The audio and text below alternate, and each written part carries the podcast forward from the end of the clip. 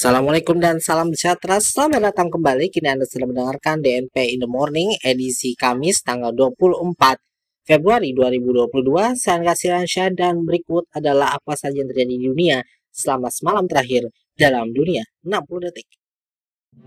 Presiden Joko Widodo menginstruksikan Menteri Ketenagakerjaan Ida Fauzia revisi manfaat jaminan hari tua PJHT jam sostek yang hanya dapat dicairkan di usia 56 tahun. Aturan ini sebelumnya juga ramai dikritik hingga didemo oleh para dan Bapak Presiden sudah memerintahkan agar tata cara dan persyaratan pembayaran CHT itu disederhanakan, dipermudah. Pemerintah Rusia telah memerintahkan evakuasi terhadap semua stafnya di Kiev dan segera mungkin sebagai indikasi lain yang mengkhawatirkan bahwa perang antara Ukraina dan Rusia akan segera dimulai. that the Russian government has ordered the evacuation of all embassy staff here in Kiev as soon as possible, in yet another worrying indication of what may be a wider war on the way. BMKG Bandung menyampaikan rilis akan tinggi banjir dan banjir bandang. Sejumlah daerah di Bandung Barat diwaspadai potensi banjir antara lain di Bogor, dan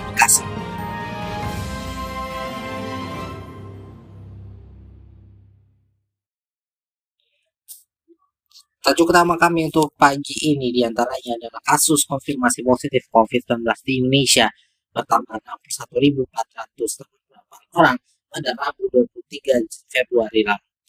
Provinsi Jawa Barat jadi provinsi yang paling banyak menyumbangkan jumlah kasus pada Rabu kemarin.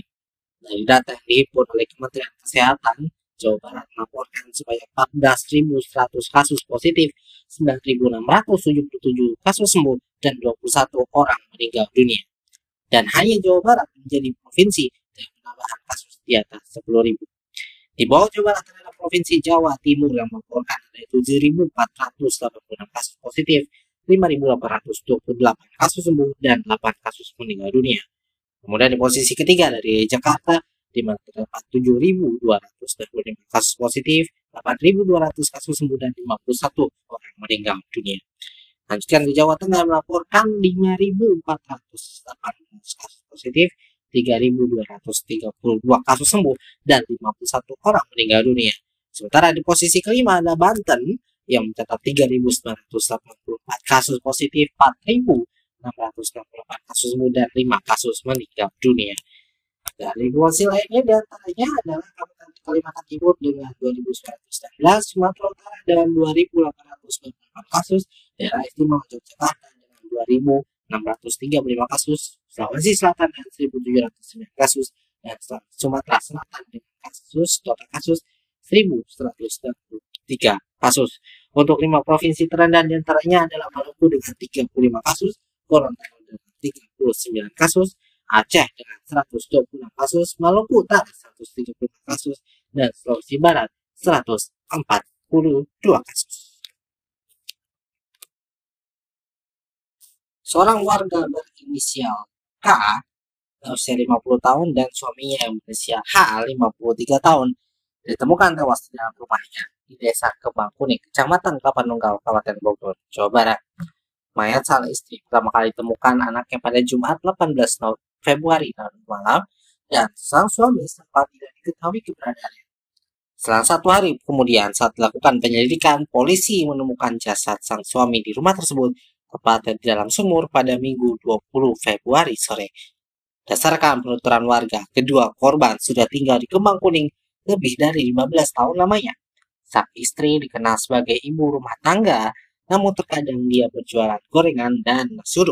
Sementara dan sang suami dikenal sebagai petugas security atau satpam.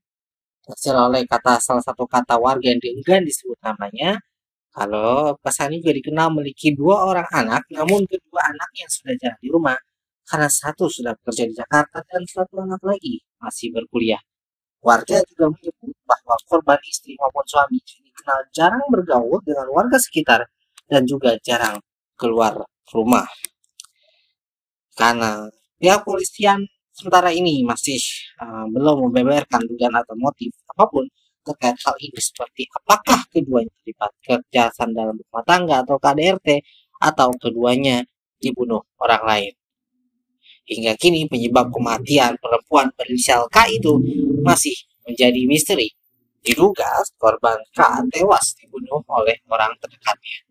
Perempuan K itu ditemukan dalam rumahnya sendiri yang berlokasi di Desa Kembang Kuning pada Jumat 18 November malam.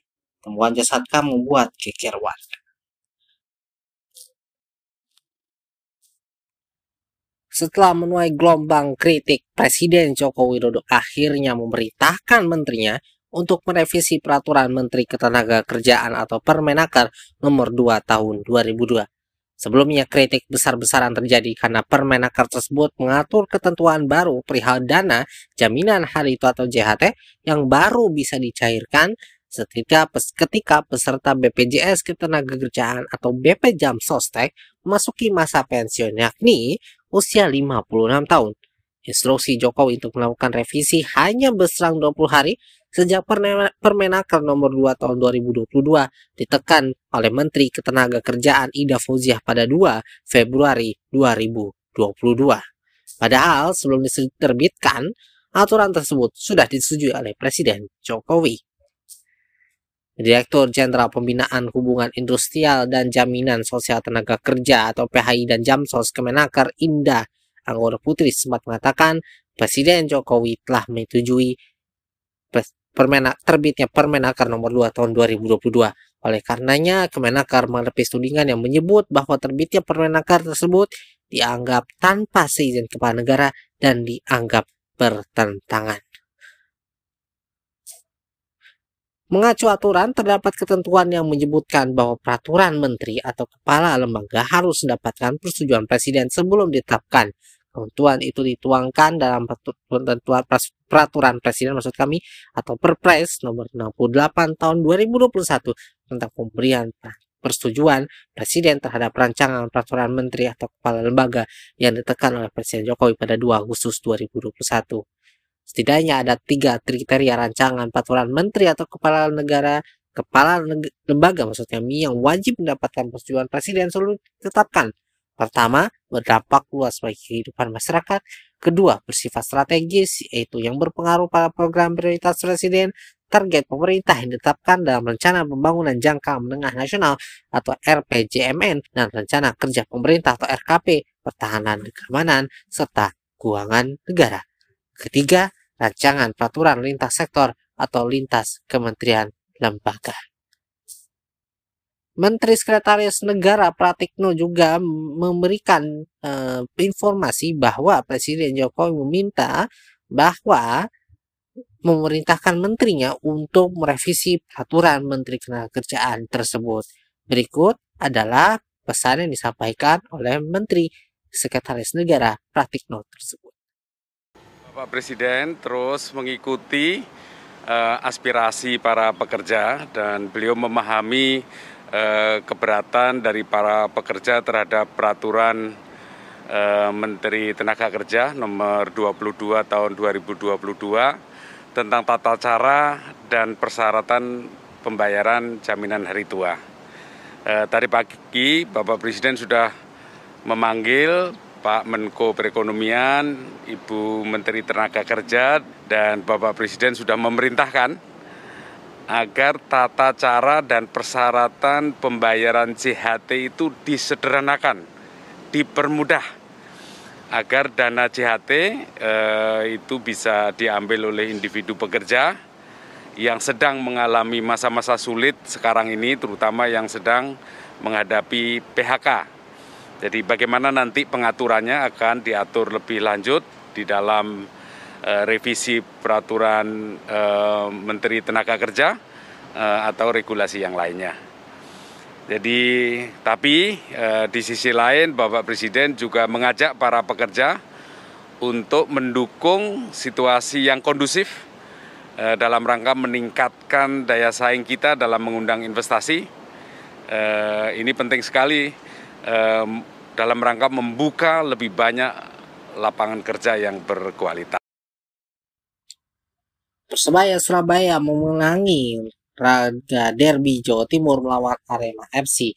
Sementara Persija Jakarta meraup hasil imbang pada pekan ke-27 Liga 1 2021-2022. Persebaya Surabaya menang tipis 1-0 atas Arema FC dalam laga yang digelar di Stadion Kapten Iwayan Dipta, Gianyar, Bali, Rabu 23 Februari malam. Kemenangan itu diraih Persebaya dengan kerja keras karena beberapa peluang mereka sempat bisa dimentahkan oleh Arema FC. Gol bernilai 3 poin bagi tim Bajul Ijo baru tercipta pada menit ke-79 melalui pemain pengganti Samsu Arif. Dengan hasil ini Persebaya tak cuma menang, tetapi mereka juga berhasil mematahkan rektor apik milik Arema FC. Sebelum disikat Persebaya Surabaya, Arema FC mencatatkan 23 raga beruntun tak terkalahkan di Liga 1 musim ini.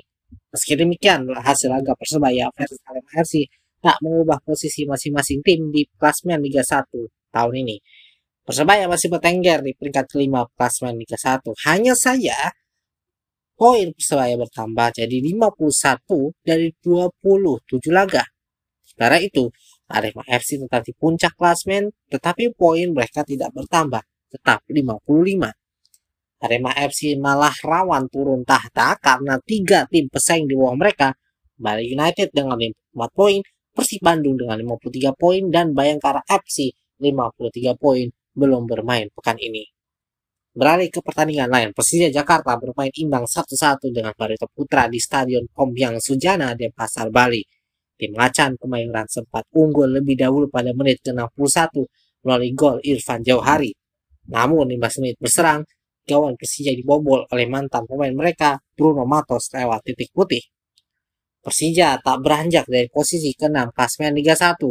Mereka kini mengantongi 38 poin dari 26 laga yang telah ditandingi. Di sisi lain, Barito Putra menempati peringkat ke-15. Klub berjuluk Laskar Antasari itu mengoleksi 26 poin dari 27 laga. Pada hasil tersebut, sebagai rangkuman, Barito Putra satu-satu dengan Persija Jakarta, yaitu Bruno Matos di menit ke-66 dan Irfan Johari di menit ke-61. Persik Kediri 2-0 Persija Raja Bade yang digolkan oleh Yosef Encari di menit 33 dan 83. Sementara itu Persija Surabaya 1-0 melawan Arema FC dengan Samsu Arif di menit 79. Klasmen sementara saat ini dimenangkan oleh Arema dengan total poin 55 poin dengan dengan 10 menang 15 menang 10 seri dan 2 kalah Setelah itu Bali United dengan skor total skor 54 poin di antaranya 16 menang, 6 seri dan 4 kalah. Sementara itu Persib Bandung dengan total 53 poin di antaranya 16 poin menang, 5 seri dan 5 kalah. Sekian DNP in the morning untuk edisi hari ini Kamis tanggal 24 Februari 2022 Tetap terus dengarkan DNP in the morning setiap harinya dari Senin hingga Jumat pukul 6 hingga pukul 7 Tergantung kami nguploadnya kapan. Yang pasti setiap pukul 6 antara pukul 6 hingga pukul 7 pagi kami akan selalu hadir di tengah pagi hari kalian. Terima kasih telah setia menunggu kami kembali. Saya Kasih Rahansyah. Sampai jumpa DMP Media, informasi, kolaborasi, inspirasi. Wassalamualaikum.